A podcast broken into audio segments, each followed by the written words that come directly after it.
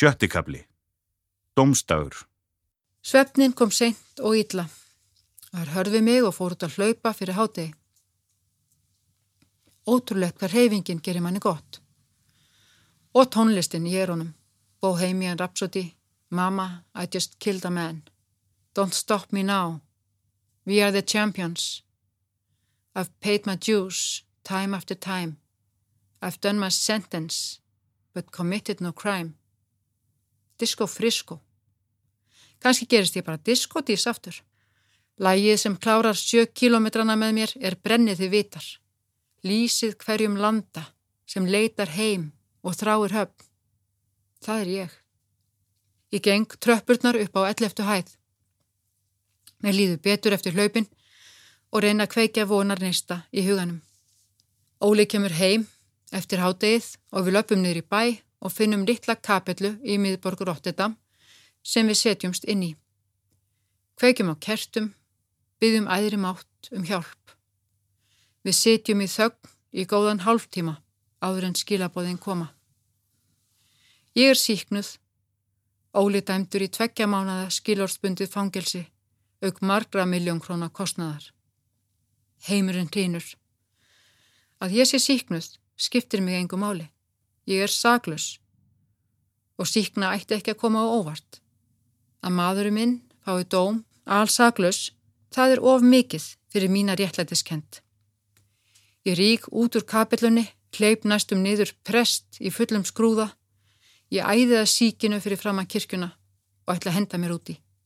Ég sé enga laust, enga framtíð. Ég vil ekki lifa. Óli grýpur í mig og leiðir mig heim. Ég er í tauga áfalli.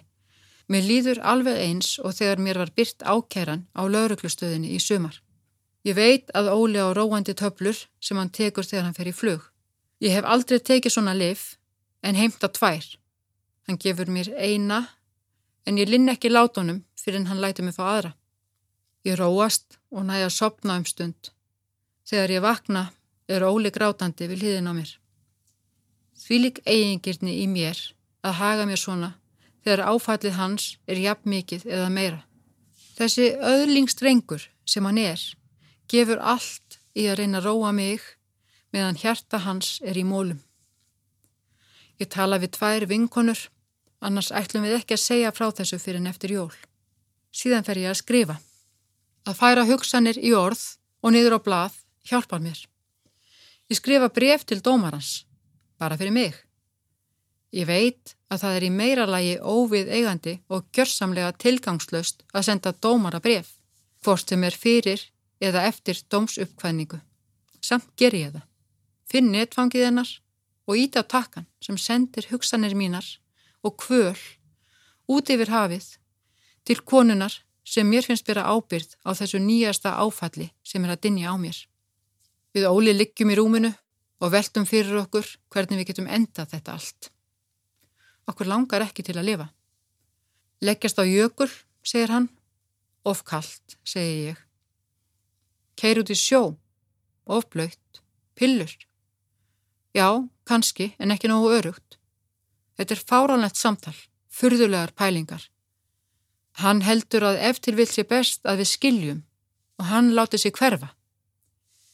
Ég gæti ekki lifað án hans, hann gæti ekki lifað án mín. Við erum í algjöru sjokki og samræðunar byrja vott um það. Auk þess er ég búin að taka róandi töflur sem ég er ekki vun að gera. Næsta morgun erum við að fara til Íslands til að njóta jólana með fjölskyldu og vinum. Óli tilkynni mér að hann ætli ekki að fara. Treysti sér ekki til að fara á þetta helviti sker. Hann segist allir í vinnuna. Ég fer í styrtu og hef mig til. Maðurinn minn situr í stól í stofinni og grætur með ekka. Stóri myndarlegi maðurinn minn er nýðurbrotin. Við tökum smá rimmu. Ég vinn og við burðumst með töskur fullar af jólagjöfum út á lestarstöð. Við erum bæðið þreytt og leið. Tollvörðurinn sem er að stimpla taksfrí nótunar mínar gerir grínað mér. Ertu þreytt? Vast ekki frí? Mér finnst það sniðugur og lundin léttist aðeins.